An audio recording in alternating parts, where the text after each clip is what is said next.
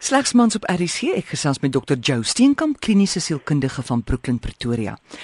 Joe, vroue is mos onder die indruk dat as hulle maar en mooi is, sal hulle mans hulle nie verneek nie. Jong, ek voel al hoe meer hier in my water dis 'n mite. Goed, eh, as dit 'n mite is, dan is die vraag, hoekom sal 'n man sy vrou verneek? Môre, die eerste antwoord is verskriklik maklik om vir jou te gee. Mans hou van vrouens omdat hulle nie mans is nie. Ja. Dit is so maklik soos dit. Goed. Vrouens weet dit is sagtheid. Hulle het daar's so mooi Engels woord, dit gentleness, se omgee. Wat verstommend is, nee, dis uniek aan hierdie hierdie spesies van vrou. Vrouens is goed, hulle is gekonnekteer met die lewe, hulle is wesens met siklusse wat sinkroniseer met aardse en hemelse ritmes en dis 'n ander soortige spirituele koneksie. Net so ongesukkeld soos 'n vrou kan wees, 'n man het eendag gesê hy wens hy kan sy vrou net so vir 2 jaar by die wees gaan aflaai. Net so liefdevol en vol begrip kan hulle wees. En vrouens kan ons maar sê het 'n diep gesetelde koneksie wat van hulle engele maak en hormonale klere dra. Ek dink dis dalk 'n goeie definisie. Baie goed. So vet of maar ons moet vergeet daarvan. Ja, die media verkoop mos die idee dat vrouens ja. wat 'n sagtheid het oorgewig is. So dit wat vrouens se vroulikheid beklemtoon word afgeskiet as onaanvaarbaar. En ek weet nie wie hierdie absurditeit uitgedink nie, maar ek dink daai persoon het ernstige, langtermyn en diepte psigoterapie nodig.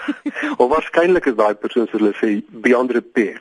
Maar dis 'n sosiale druk amore wat veroorsaak dat sommige vrouens as hulle nakant voor die spieël staan en hulself vertel hoe lelik hulle is omdat die samelewing sê daai sagtheid is lelik.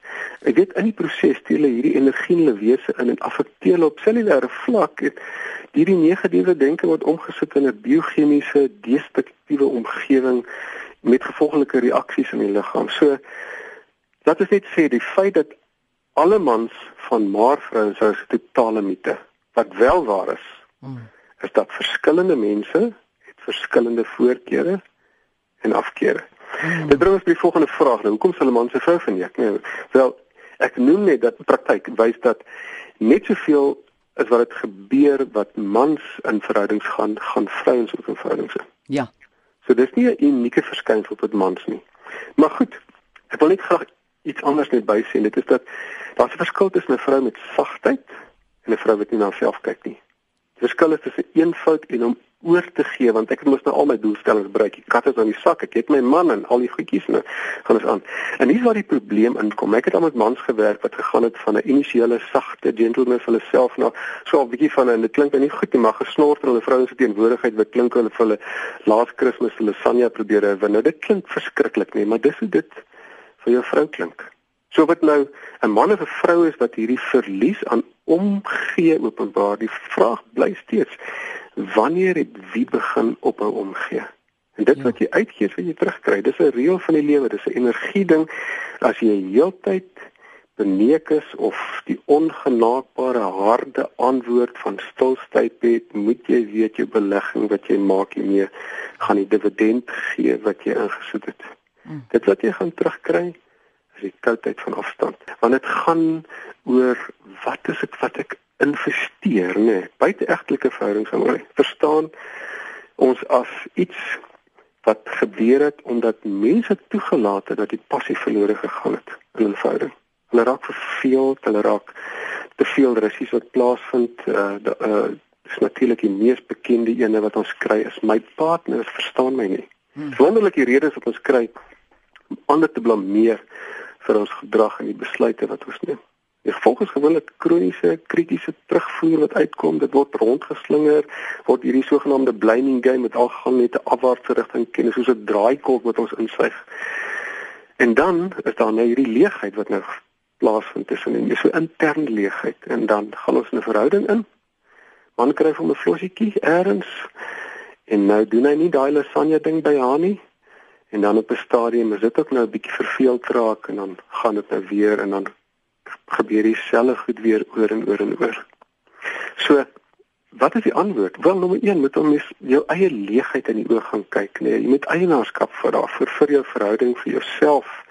Want as ons iemand moet gaan blameer vir hierdie en ons het al gepraat van die ding van 'n twee rigting verkeerde verhouding, dan moet ons by onsself begin.